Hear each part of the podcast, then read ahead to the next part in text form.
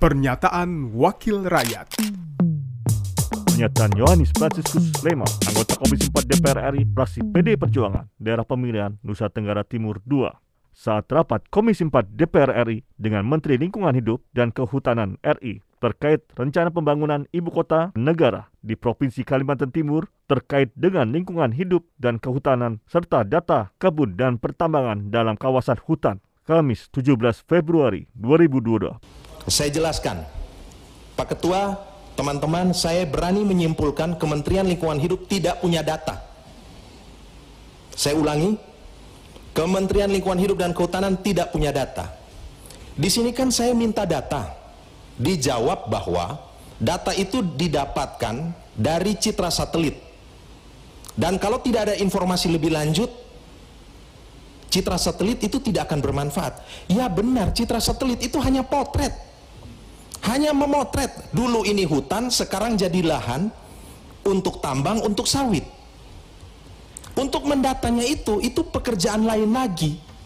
Pekerjaan manusia. Dalam hal ini institusi yang namanya KLHK. Kalau KLHK tidak mendata bahwa ada setelah dipotret, kemudian tidak dijelaskan 3,2 juta ini, lahan ilegalnya ini milik siapa saja, ya tidak akan ada datanya. Yang membuat saya tambah kecewa di bagian akhir ditulis fenomena ini yang rugi adalah orang yang melakukan pencaplokan lahan, privatisasi lahan secara ilegal, dia yang rugi. Kok bukan negara, bukan rakyat, bukan lingkungan hidup yang rugi? Bukankah hutan, bumi, air, dan kekayaan alam digunakan sebesar-besarnya untuk kemakmuran rakyat? Ini dia sudah pencuri, sudah ambil hutannya negara, kemudian kalau dia tidak lapor dibilang dia yang rugi. Jelas-jelas dia tidak bayar PBB, tidak urus HGU, jelas-jelas tidak bayar provisi sumber daya hutan. Mohon maaf, ini fatal sekali. Jadi Pak Ketua, saya katakan KLHK tidak punya data. Karena jawaban mereka bahwa citra satelit hanya bisa memotret. Yes, hanya bisa memotret. Mestinya setelah itu KLHK mengutus UPT-UPT untuk mendata. Istilahnya mungkin melakukan sensus. Ini lahan milik siapa? Ini lahan milik siapa? Lahan itu tidak berpindah kok. Bahkan sampai 20-30 tahun. Di Riau kami baru pulang dari sana. Tidak jauh dari Pekanbaru. Itu tidak terdata. Jadi ini kasarnya ada perampok, ada maling, masuk maling di rumah kita. Lalu yang ruginya maling ini. Dan polisi itu hanya sekedar memberi CCTV. Lalu bilang enggak, kita enggak tahu itu siapa dia.